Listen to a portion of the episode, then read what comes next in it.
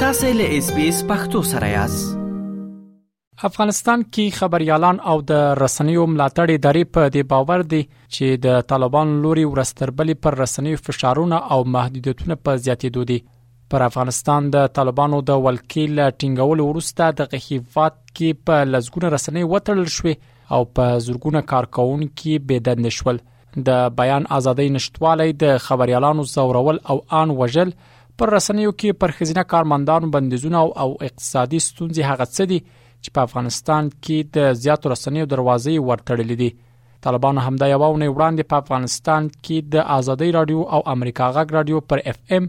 او او آی ام سپو پر نشراتو بندیز ولګوو د طالبانو د چارې ته پکتو یو شمیر خبريالان او د رسنیو ملاتړ ادارې وایي چې د دې ډلې راتګ وروسته افغانستان کې د رسنیو وضعیت ترنګلې شوې دی په ننګرهار کې د یو خصوصي ټلویزیون خبريال چې نه یې غوښتل نوم یې پر راپور کې خبر شي له اس بي اس رادیو سره په خبرو کې وویل په افغانستان کې اوس وخت د رسنۍ او خبريالانو وضعیت په خورا ستونزمن حالت کې دی او رسنۍ مکلف دي هغه څه نشر کړي چې د طالبانو په خوښه وي نوموړي همدارز وویل اوسمهال اطلاعات ته لاسرسی کم شوی او تر خوای د پیښو خبري پوښښ هم خورا ستونزمن شوی دی یعنی اوس په وخت کې د خبريالانو وضعیت د رسنیو وضعیت په افغانستان کې مطلق داسې به ویو چې یو اړخه شوی دی او څه چې طالبان غواړي به یې تماغه نشر کړي ترڅنګ اطلاعات ته لاسرسی بیا بل هغه ستونزه ده چې ته په اسانۍ سره د طالبانو یا د اسلامي امارت د مسؤلین غږ په اسانۍ سره نشي اخیستی په افغانستان کې داسې ویل چې رسنۍ بیخي صفر درجه کې ولاړ دي ځکه د رسنۍ او کوم رسالت چې دی هغه کې په سم ډول باندې نه ادا کیږي ویل تم دی چې رسنۍ د سانسور دي دلته فشار لاندې دي دلته خبرونه په خپل ځل باندې نشي کېدل دلته ریپورت په خپل ځل باندې نشي کېدل او یواز یواز هغه چې طالبان غواړي او طالبان د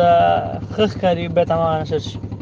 ورته وخت کې یو شمېر خزینه خبريالان هم د طالبانو لخوا د رسنیو سانسور او محدودولو په اړه اندېښنه لري دوی وویل خبریالان اوس نشي کولای په آزاده توګه هغه سوژې چې د خلکو ګټې پکې خوندي وي راپور پرې جوړ کړي. طالبانو په راتګ سره موږ ویلی شو په افغانستان کې د رسنیو او د خبریالانو وضعیت ډیر منفي اړخ ته روان دی. متاسفانه د طالبانو په راتګ سره اطلاعاتو ته، معلوماتو ته لاسرسی ډیر سخت شوی او خبریال نشي کولای چې په اسانۍ سره معلومات تر لاسه کړي او بل مشکل چې دی هغه په رسنیز ډګر کې طالبان اوس ډیر غواړي چې هغه حقیقت څه چې دی هغه پټ وساتي او یو ډول په ټولو خبرونو کې سانسور روان دی دا هغه څه دي چې خبريالان او رسنیز کارمندان له ستونزو سره مخ کړي دي کله اجازه ورنکړل شي چې حقیقتونه بیان شي دا بیا د رسنیو کار ډېر شاته اچوي او ډېر سخت دی چې رسنیو کې بیا خبریالان په خپل زړه کار وکړي. کومې رسنۍ چې اوس هم فعالیت لري له ډېرو ستونزو سره مخ دي، هغه په هره برخه کې چې دي، خبریالان یې چې کوم موادو ته ضرورت لري هغه دی په سمه او په اسانه توګه لاس ته نه راوړي، نو همدغه اطلاعات دي چې دی ډېرو ستونزو سره مخ کېږي، باید کوم اطلاعات چې دی په کار وي په یوه او دوو ورځو کې اصلا دی ته په لاس نه ورځي. په مرکز کابل سربېره هرات، بلخ، بامیان، غزني، خوست، پکتیا، لوګر، کندوز او ګڼ نور هغه ولایتونه دي چې د خبریالانو په قول یې د رسنیو حالت د هیواد د نور ولایتونو په څیر له زیاتو ستونزو سره مخامخ دی او له نړیوالو غواړي چې د پخوا په ډول ورته پاملرنه وکړي په کندوز کې د امریکا غږ آشنا رادیو یو تن خبريال له اس بي اس رادیو سره په خبرو کې له طالبانو او د رسنیو له ملاتړو بنسټونو وغوښتل چې د دوی پر وړاندې شته ستونزو ته د رسیدنه وکړي او اطلاعات ته د لاسرسي زمينه ورته اسانه کړي افغانستان کې په اوس وخت کې رسنیز فعالیتونه ډیر په سختۍ سره مخ ته روان دي او اطلاعاتو ته لاسرسی هغه یو ستونزه ده چې د خبریالانو کورنۍ د امکان تر بریده ټکنې کړې دي نو حکومت او حکومتي مسولینو ته پکار ده چې له خبریالانو سره ښه سلوک او د دې ترڅنګ هغوی ته پر وخت کره او دقیق معلومات هغوی سره شریک کړي تر هغو چې د هغوی کارونه د خنډ او ځنډ سره مخ نه شي په کار ده چې هغه بنسټونه چې د خبریالانو ملاتړي دي له حکومتي مسولینو سره دغه ستونزې هوارې کړي او د هغوی ستونزو ته رسیدنه وکړي د معلوماتو لمخې واک ته د طالبانو لرسیدو وړاندې افغانستان کې د 500 زیات رسنیو فعالیت درلود خو اوس وخت کې نیمایي هغه تړل شوې دي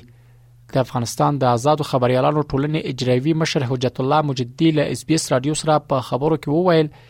چې د طالبانو راتګ وروسته یوازې 200 رسنۍ د اقتصادي ستونزو لامل باندې شوي او د دې ترڅنګ له 12000 رسنیزو کارکونکو اته زره خپل دند له لاس ور کړی نو موري همدار زیات کړه چې په دغه موده کې د خبريالانو په وړاندې له 150 زیاتې توتریخوالي پیښې هم ثبت کړې دي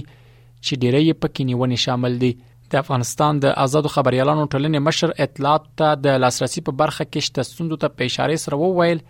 چې د کار پر رسنیو ناوړه غیزه کړې ده کله چې دغه تحول رامنځته شو او اسلامي امارت واک ته ورسېدل زموږ د 1558 رسنیو څخه 215 رسنۍ بندې شو دویم دوه سوه او شلو پورې رسنۍ متاسفانه د اقتصادي ستونزو وروسته بندې شو که چیرې دغه ستونزو ته پام ونه شي ځینې نور رسنۍ هم بندیږي او ورسره چې تر اوسه د تقریبا دولس زره رسنیز کارکوونکو نه اته زره خپل کار له لاسه ورکړی دی. دې سره به دغه بې کاره شوې رسنیز کارکوونکې هم زیاتې شي. بل خوا هغه څه چې موږ ثبت کړی دی د یو سلو پنځوسو نه ډېرې تاوتریخوالې پېښې دی چې په هغه کې زیاتره نیونې دي.